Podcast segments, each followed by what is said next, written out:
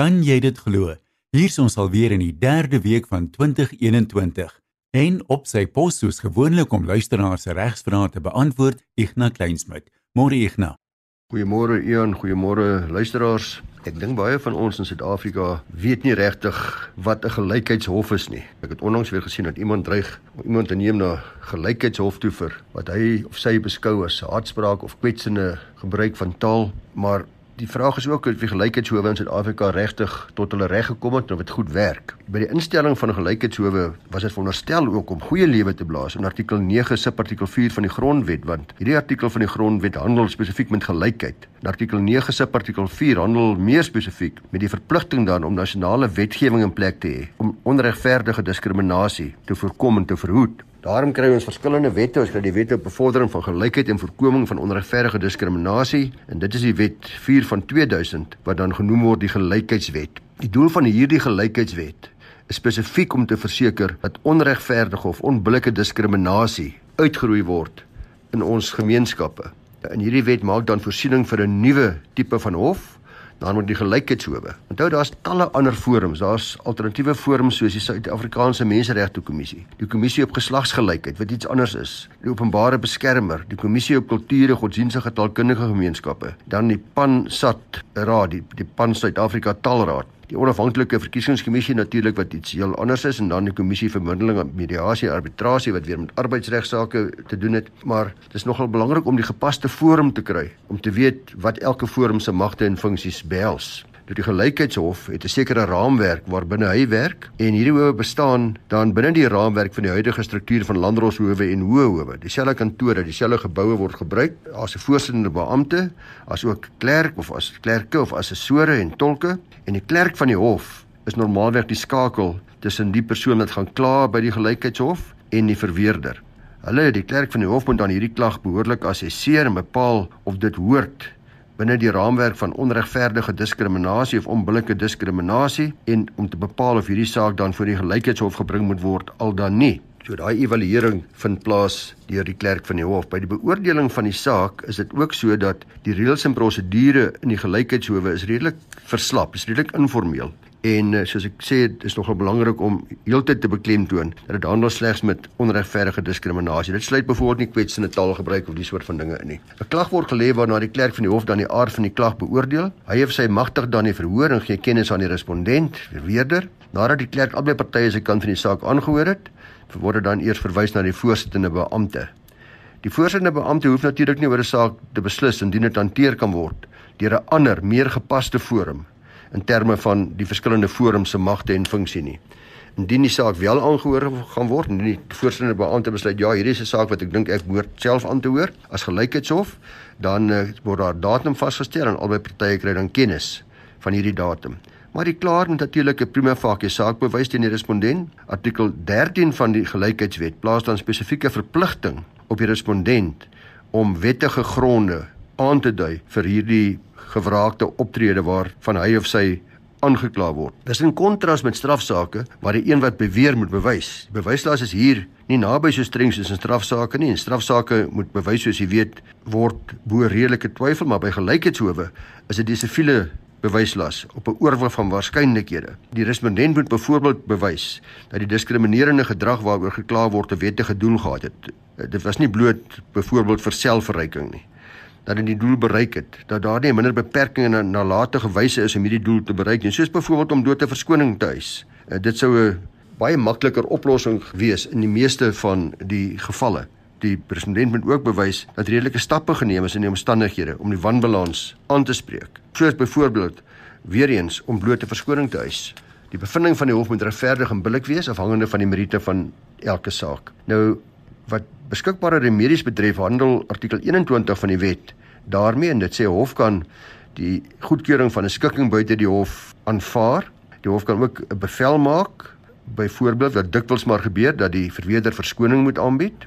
En die hof kan ook eh, enige ander verklaring bevel maak wat die hof gepas voel in die omstandighede en die hof kan ook beveel dat skade aan die klaar of is dit nie 'n klaar wat wat in sy persoonlike hoedanigheid teen gediskrimineer is nie, dan normaalweg skade aan 'n gepaste organisasie. Heel dikwels sal persone ook dan poog om skade te verkry by 'n gelykheidshof terwyl die diskriminasie nie teen daardie persoon self was nie en natuurlik in daardie geval uh, sal daar nie skade aan 'n individu toegestaan word nie. Om voorbeelde te gee in Durban se gelykheidshof, die skade is gewoonlik nie dramaties nie, die luisteraars, die bedrae nie. In 'n Durban se gelykheidshof is daar skadevergoeding in 'n bedrag van R2000 toegeken aan Min Kusame teen me Robin New nadat my New sekere rassistiese aanmerkings gemaak het teenoor direk in die gesig van die klaar. Dit wel is toegeken in hierdie geval aan die klaar self omdat die rassistiese aanmerking spesifiek gemik was teen die persoon van die klaar en nie in die algemeen nie. 'n Pretoria se gelykheidshof het deur skadevergoeding vir die bedrag van R10000 toegeken teen 'n saloneienaar, maar die saloneienaar nie die klaar se swart hare kon of wou sny nie. Verdere remedie is 'n onvoorwaardelike verskoning en 'n broederstroom egpaar is byvoorbeeld beveel in klagtes en skikkingsooreenkomste met die klaar by die Menseregte Kommissie om 'n onvoorwaardelike verskoning aan te bied en skriftelik te doen na bevind is dat daar teen hulle gediskrimineer was, spesifiek teen swart mense by die ontspanningsoord. Hulle moes ook hulle beleid verander. Daar was 'n bevel gewees dat hulle beleid moes verander om in lyn te wees met die huidige raamwerk van die gelykheidswet. En dan moes hulle ook aan Nkosi Johnson Vigstigting 'n bedrag van R10000 betaal. Dan kan daar ook 'n ondersoek wees van die respondent se spesifieke beleid en praktyke waar dit byvoorbeeld die besigheid is soos dit nou was in hierdie geval van die uh, ontspanningsoord en daar's ook 'n uh, 'n moontlikheid van beskikbaarstelling aan die klaar van spesifieke geleenthede en voordele wat vir hom of haar dan nou onregverdig onsê was in sekere omstandighede van onregverdige diskriminasie.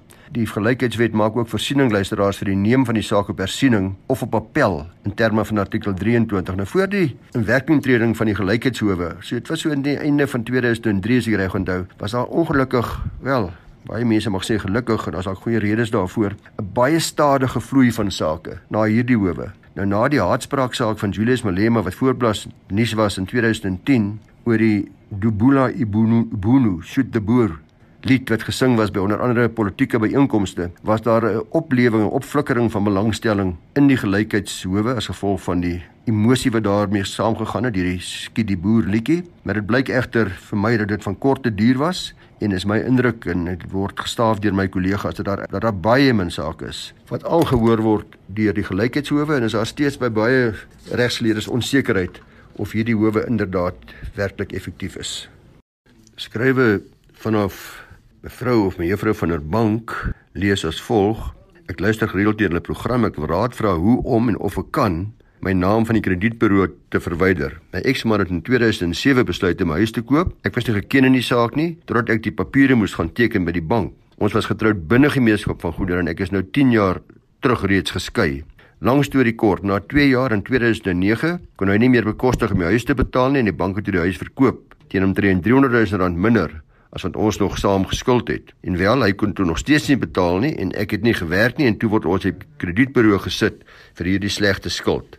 Nou wil ek graag weet of dit moontlik is om my naam daar te kan afkry en hoe gaan ek te werk? Ek het hierdie navraag gestuur aan Waldet Grey, 'n spesialis op hierdie gebied, 'n prokureur daar by van Velden en Duffy en sy het vir my die volgende antwoord gegee. Baie dankie Waldet. Daar is meer as een wyse waarop jou naam op die kredietbureau kan beland. En twee van die mees algemene kredietrekord inskrywings wat krediteure van gebruik maak, is natuurlik om 'n vonnis te laat lys wat daar vonnis geneem is teen 'n individu se naam en dan om 'n individu te lys as 'n swak betaler. Dis nou nie daar's nog nie vonnis nie, maar hy is net 'n swak betaler, hy of sy. Indien uh, die luisteraar slegs gelys is as 'n swak betaler, dan is dit nodig om die agterstallige paemente te vereffen. In sommige omstandighede sal die krediteur, die skuldeiser in hierdie geval die bank, vereis dat jy die totale uitstaande bedrag vereffen aanvorens hulle die inskrywing gaan verwyder.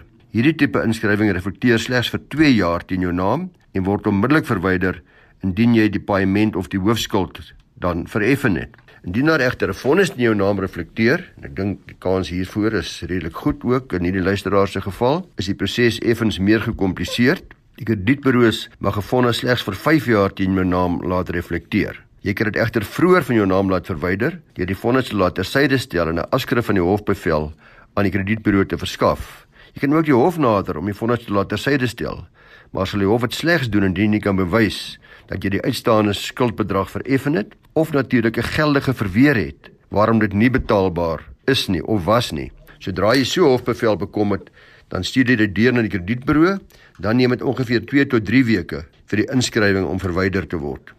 Wel dit sê sy het nie al die feite van die saak tot haar beskikking nie, maar dit klink of dit in hierdie geval as wie bank waarskynlik 'n vonnis bekom het toe die tekort nie betaal is nie. Dis moontlik dat die vonnis nie meer teen die kredietrekord reflekteer nie, omdat dit ouer as 5 jaar is, want sy praat van 10 jaar terug reeds.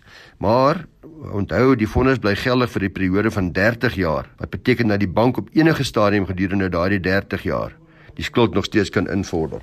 Luisteraars, nou julle kan julle kredietrekords, ek sien daar's mense wat allerlei dinge adverteer van hoe hulle jou sal help om jou kredietrekord uh, na te gaan en allerlei dinge aanbied daarvoor en ruil daarvoor. Maar u kan u kredietrekord gratis nagaan op die webwerf met die naam Clearscore C L E A R S C O R E clearscore.com en indien dit dan blyk aan hierdie luisteraar dat die fonds vir langer as 5 jaar teen haar naam reflekteer, dan kan sy enige kredietburo kontak en versoek dat hulle dit onmiddellik verwyder. Indien uh, die vonnis egter nog nie 5 jaar oud is nie, uh dan kan sy die skuldeiser self kontak om 'n betaalredening te tref en te versoek dat hulle uh, haar voorsien van 'n skrywe waarin hulle bevestig dat die skuldbedrag vereffen is of hulle tevrede is met die reëling. U kan dan daardie skrywe vat na enige prokureur om u behulpsaam te wees met die verwydering van die vonnis teen u naam. U en ek en ek is seker daarvan al my kollegas in Suid-Afrika kry elke keer baie skaam as ons hoor van prokureurs wat met lang vingers trustgelde wanbestuur het of wan aangewend het of inderdaad gesteel het. En daar was 'n onlangse saak weer voor die Appelhof aangehoor, naamlik die saak van Hewitson versus die Prokureursorde van die Vrystaat. Dis 'n 2020 vyf saak in die Appelhof. In hierdie saak was daar 'n man en 'n vrou, getroude paartjie wat saam gepraktiseer het as prokureurs en albei het toe nou in die warmwater beland oor die gebruik of die wyse waarop hulle firma se trustgelde wan aangewend is. Ek wil maar net weer eens sê dat alle kaste appels het gewoonlik een of twee vrottes in, maar is werklik die uitsondering en daarom nie die reël nie. Trustgelde kan ek u verseker word gedek deur die getrouheidsfonds vir prokureurs. En as u 'n dieftige prokureur in die lewe teekom wat ek hoop nie so gaan wees nie, dan is u beskerm deurdat die wanaanwending van trustgeld beskerm word deur die getrouheidsfonds se prokureurs en kan 'n eis dan instel en op daardie wyse word die publiek dan beskerm. Dis dan ook die rede waarom rente op trustgelde nie aan die kliënte van prokureurs toe kom nie, maar inderwaarheid gaan na die getrouheidsfonds se prokureurs sodat hulle weer die publiek daarmee kan identifiseer. Nou die vrou het bewus geword van die bedrog volgens die getuienis in die hof, maar sy het bykans 'n maand gewag om die saak te rapporteer by die provinsiale prokureursorde, so die Vrystaatse prokureursorde glo ek. Nadat hierdie orde die saak ondersoek het, het hulle bevind dat daar wel beslis 'n slang in hierdie gras was en uiteindelik is beide prokureurs verhoed om verder met die trustrekening te werk deurdat die orde aansoek gedoen het vir die bevriesing van die trustrekening en die aanstelling van 'n kurator wat dan voortaan die trustgelde sal hanteer. Uiteindelik het die provinsiale orde daarin geslaag met hulle aansoek om albei hierdie persone, albei die Hewitsons uh, eh, van die rol te laat skrap en die dame, die vroue prokureur het toe geappeleer na die appelhof. Die meerderheidsuitspraak het beslis dat die appel gehandhaaf word, maar net wat die vrou betref. Die aansoek om haar van die rol te skrap is met ander woorde nie meer voorgegaan nie, maar is terugverwys na die Vrystaatse Hooggeregshof met 'n bevel dat hulle van vooraf moes kyk, maar dat hulle eers verdere mondelinge getuienis oor die vrou se bevoegdheid om te kan praktiseer moes aanhoor. Meer spesifiek het die hof gelas dat daar getuienis aangebied moes word oor presies wanneer sy bewus geword het van haar man se wanaanwending van trustgelde, wat die omvang van haar kennis was, of sy op enige stadium toegestem het of enigstens 'n party was tot die onttrekking van fondse van die trustrekening van die kliënt en Daar moet ook 'n behoorlike verduideliking vanaf haar kant aangevra word vir die vertraging om hierdie wanaanwending van trustfondse te rapporteer. Nou hierdie getuienis sê die appelhof sal dan die Hooggeregshof van die Vrystaat bystaan om te kan beslis of sy inderdaad oneerlik was en opsetlik die rapportering vertraag het. Tot dan word sy net geskort. In ander woorde word nie geskraap van die rol nie sodat die Vrystaatse Hooggeregshof dan weer eens kan beslis of 'n skrapping geregverdig is al dan nie. Daar was ook 'n minderheidsuitspraak van regter Lees, appelregter Lees wat nie so goedgesind was teenoor die dame nie. Hy was van mening dat sy ook van die rol geskraap moes wees en die redes wat hy daarvoor aangegee het in sy minderheidsuitspraak was dat eerstens haar versuim om dadelik die wanbesteding te rapporteer, dan haar versuim volgens hom om openhartig te wees met die hof, dan derdens ook haar versuim om ondersoek in te stel nadat 'n werknemer wel beweringe of aantuigings gemaak het verband met hierdie wanbesteding en laastens natuurlik die prokureursorde se aanbeveling aan die hof dat hulle ook glo dat sy van die rol geskraap behoort te word. Luisteraars, op die stadium wat ek hierdie opname maak, is ek nog nie bewus van wat die Hooggeregshof weer beslis het na aanleiding van nuwe getuienis nie. Sodra ek daarvan bewus word, sal ek die uitkoms met julle deel. Ja, en soos jy weet, probeer ek om die luisteraars nie te verveel met allerlei akademiese argumente en geskiedkundige regsprobleme nie, maar onlangs het 'n regsgeleerde opmerkings gemaak oor die Suid-Afrikaanse reg en besonder die rol van die bronne van ons reg, soos byvoorbeeld die Romeins-Hollandse reg, is deur hierdie regter of deur hierdie persoon bevraagteken. Daar was 'n baie heftige reaksie in regskringe en uh, talle mense het uh, ook lustig deelgeneem aan hierdie debat en 'n jong regsgeleerde skryf nou aan my daar uit die Wes-Kaap uit ek is seker of hy nou alreeds 'n prokureur is of hy nog 'n student is of wat nie maar hy sê hy's 'n regsgeleerde en hy vra wat is die georganiseerde regsberoep se houding die prokureursorde van Suid-Afrika en die georganiseerde regsberoep se houding hieroor en of ons daarom nog saamstem met die regsgeskiedenis of alternatiefelik of ons saamstem met die kritiek van hierdie een skrywer en dink ons ook dat ons dalk in Suid-Afrika 'n nuwe regstelsel benodig. Nou ek het al voorheen gesê by die program wat moontlik gewaak word deur die prokureursorde van Suid-Afrika, kan ek nie namens die beroep praat nie. Ek is ook nie seker of daar 'n amptelike standpunt ingeneem is hieroor nie. Die beste vir my wete nie. 'n Suiwer persoonlike mening, dis nou maar my eie persepsie is dat die oorgrootste meerderheid prokureurs nie met hierdie regter saamstem nie. Ek kan wel dalk die briefskrywer help deur 'n bietjie perspektief te probeer gee oor hoekom daar so 'n debat is. Dit dan in konteks te probeer plaas. Ek het 'n paar jaar terug al reeds 'n dokument gekry oor hierdie onderwerp wat ek dink die spyker pragtig op die kop geslaan het en ek gebruik dan van hierdie inligting daarin. Ongelukkig kan ek nou nie meer die naam van die outeur onthou nie, maar hy of sy sê dat vir baie jare was dit in Suid-Afrika gerieflik om uh, te konsentreer op die ryke erfenis uit Europa, ook wat die reg betref. Suid-Afrika is uh, vanaf 'n afstand met westerse standaarde gemeet en veroordeel en so ook ons regstelsel. Nou die Suid-Afrikaanse reg staan luisteraars uh, vanaf 1994 beslis by 'n kruispunt. Die Romeins-Hollandse reg is op die beginsels van billikheid en geregtigheid gebaseer. En as gevolg van die jarelange erodering van hierdie reëls en beginsels deur wetgewing, veral dan owerheidsbegunstigende en apartheidswetgewing, was die regstelsel veral voor 1994 deur baie Suid-Afrikaners. Ek dink die meerderheid Suid-Afrikaners wat daardeur geraak was as illegitiem en onbillik ervaar. Ons het gepraat van 'n legitimiteitskrisis. Selfs die Afrika gewoonteregstelsels het die wetgewer se lem nie ontglip nie en talle beperkings en wysigings is aangebring. Dis interessant dat daar nou baie jare later deur ons howe wel stadig maar seker aandag gegee word aan die gewoontereg. Wekroepe om regsvernuwing en regshervorming was die laaste 20, 30 jaar aan die orde van die dag en verskeie kommissies is reeds in ons land aangestel. En daar word nou gedebatteer of die huidige gemeenereg, dis nou die een met die Romeins-Hollandse en die Engelse komponente in die Afrika gewoontereg, 'n mengsel van voorafgaande of 'n totaal nuwe stelsel, die basis van 'n nuwe regstelsel behoort te vorm. Dis dan ook wat nou weer gedebatteer word. Regshervorming impliseer reeds bestaande kennis van die geskiedenis van die regsontwikkeling en regsfigure in die regstelsel wat hervorm moet word. Die vraag is egter watter toerusting regshervormers nou in 'n moderne nuwe Suid-Afrika benodig. Is dit regtig nodig in ons land? Die regswetenskap bestaan uit 'n samehang tussen teorie en praktyk. Ek het dit al voorheen ook vir u gesê. Regsteorieë word aan die praktyk getoets en andersom. Wedersydse aanpassings word dan gemaak deur die loop van die eeue is regsreëls gemeet aan die voorskrifte onder andere van die Bybel, van die wet, van die natuur en verskillende regsgevoelens en natuurlik ook die rede, die verstand. Geleidelik is die reg verwetenskaplik en is regsgeleerdes dikwels verbind tot meganiese toepassing van die reg, maar alhoewel tegniese kennis van die reg in baie gevalle korrek mag wees, is daar natuurlik altyd die moontlikheid dat dit op 'n aantal foutiewe uitgangspunte of blote kritieklose oorname en aanvaarding van vorige outeurs se standpunte kan berus. Vir die gewone mens, u en vir my, kan die reg soms baie vreemd en verwarrend wees.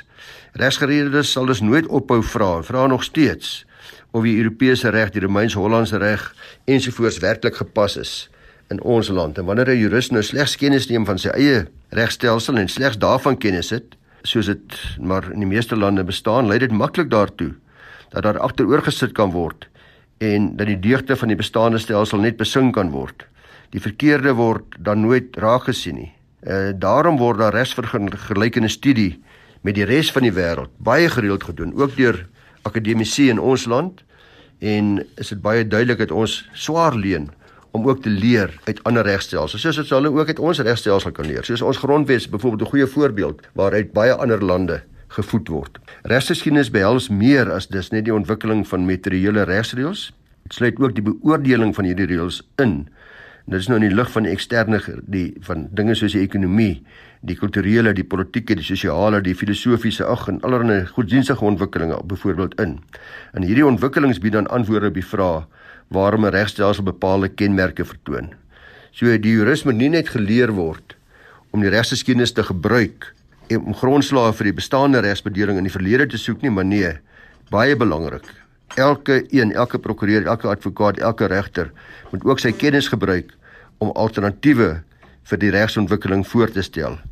Hy moet dus in staat wees om ook uh, deur die grense van die geskiedenis te breek. Dis dan wat hierdie uh, regter gesê het en uh, hy sê ook ons moet dit nie naanaat nie.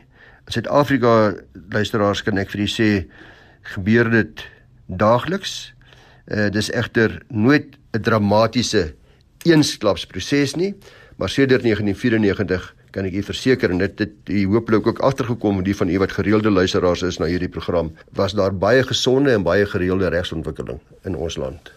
Ek ontvang 'n navraag van 'n dame en is duidelik uit haar redelike hartseer skryf ek gaan nie haar naam noem nie alhoewel sy die vrou anoniem te bly nie dat haar man 'n ernstige dobbelprobleem het en sy is raadop sy vertel van hoe hard sy werk en uh hoe hy skelm gaan dobbel en stories vertel en lieg oor waar hy is en uiteindelik sy volle salaris wegdobbel.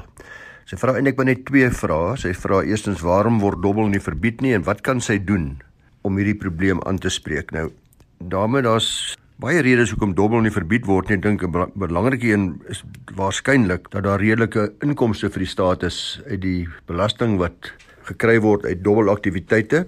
Maar die ander rede is ook omdat die meerderheid mense die die gewone Suid-Afrikaner en die gewone wêreldburger dit as 'n aanvaarbare aktiwiteit beskou en mense nogal 'n redelike sterk behoefte het om daarin deel te neem en dit geniet en normaalweg sal state misluk wat probeer om dit te verbied. Uh, dis maar dieselfde as soos wat 'n verbod op alkohol nie sal werk nie. Daar's voorbeelde van baie mislukte pogings oor die hele wêreld. Baie van u sal onthou van die alkoholverbod in die FSA in die eerste deel van die vorige eeu wat maar net uiteindelik gelei het tot 'n klomp onwettige aktiwiteite en uh, onder die tafel verkoop van drank. Uh, daar was ook 'n dobbelverbod in Suid-Afrika voor 1994 en baie van u sal onthou as dit maar uh, daar dat dit nie gemaak dat dobbel heeltemal weggegaan het nie of dat dit nie plaasgevind het nie. En daar was ook 'n dubbelverbod in die meeste Amerikaanse state hier voor die 1980s. Maar in elk geval, om 'n lang storie kort te maak, die die moderne demokratiese lande verkies om eerder te reguleer as om te verbied. Daar het sy ook gevra wat wat is die oogmerk dan van regulering as as dobbel deur die staat gereguleer word? Nou ja, ek dink daar's baie belangrikste oogmerke is seker maar ons hier wat wetgewing hieroor wat ek nie mee gaan vermoei nie. Uh, maar is om te verseker dat die operateurs en die vervaardigers nie by kriminele aktiwiteite soos byvoorbeeld geldwasery betrokke is nie, dat hulle geskikte persone is om die uh, dobbelbedryf te bedryf dat uh, om mense soos u man om dobbelaars verbruikers ook te beskerm byvoorbeeld deur te weet dat daar nie met masjiene gepeter word en dat daar redelike kans is dat daar sekere formules is waar volgens dobbelaars moet hulle bedryf hanteer. Ook om sensitiewe groepe in die gemeenskap te beskerm Uh en dis veral hierso waar mense nou praat van kinders wat nie mag dobbel nie, mense onder 18 nie en ook dan dobbel verslaafdes word gehelp deur hierdie regulering. En natuurlik soos ek gesê het om addisionele belasting, die sogenaamde dobbelbelasting te vorder en om natuurlik ook ekonomiese geleenthede wat daaruit voorspruit te benut. Dan vra sy laastens uh wat kan sy hieraan doen? Nou eerstens as u man byvoorbeeld by 'n spesifieke dobbelplek al sy besigheid doen. Dis waar hy eintlik elke aand heen gaan. Dan staan dit vry om dit te gaan rapporteer by die spesifieke kasino Indien hulle dit nie oplos nie, dan kan u dit natuurlik rapporteer by die Dobbelraad, uit as provinsiale Dobbelrade. Uh u kan maar net gaan Google en sal uitvind waar hulle is en u kan dit daar gaan rapporteer. En uh as daardie pogings nie werk nie, kan u selfs hof toe gaan. Sodat u hulle verplig om sekere stappe in werking te stel om iemand te verbied byvoorbeeld uit casinos. So as daar 'n dobbelaars is wat self luister, eerstens is belangrik dat 'n dobbelaar die probleem moet erken Dan is daar tweedens as daar hulp kan gesoek word by elke casino sal die gereeld in alle advertensies, ek het nou ongelukkig nie die nommer nie, sal daar 'n hulplyn wees wat gebel kan word as daar 'n dubbel probleem is en daar daardie hulplyn sal daal vir u reël vir behoorlike berading en ons dame wat skryf oor haar man kan ook daardie hulplyn skakel en vra dat hulle in kontak kom en hulp gee aan haar eggenoot. Uiteindelik waartoe dit lei is dan ook 'n verbod dat sekere werklike verslaafdes nie meer toegelaat word nie en verbied word uit alle casinos. Sy vra dan ook oor loterye. Hoekom is daar so baie loterye? Ek uh, sal op 'n ander geleentheid daaroor vir u antwoord. Dit word wel gereguleer deur afsonderlike wetgewing. Dit sluit in loterye, sportpoele, uh, kompetisies ensovoorts en die verbruikerswetgewing is ook daarop van toepassing. Ignas, soos altyd baie dankie vir al jou moeite. Luisteraars kan gerus hulle regsvrae direk vir Ignas stuur Sy adres is igna@ffd.co.za. Onthou elke program van regsaake is ook beskikbaar as potgooi op RSG se webwerf rsg.co.za. Van my, een wissels, baie dankie dat jy geluister het. Mooi loop tot volgende week.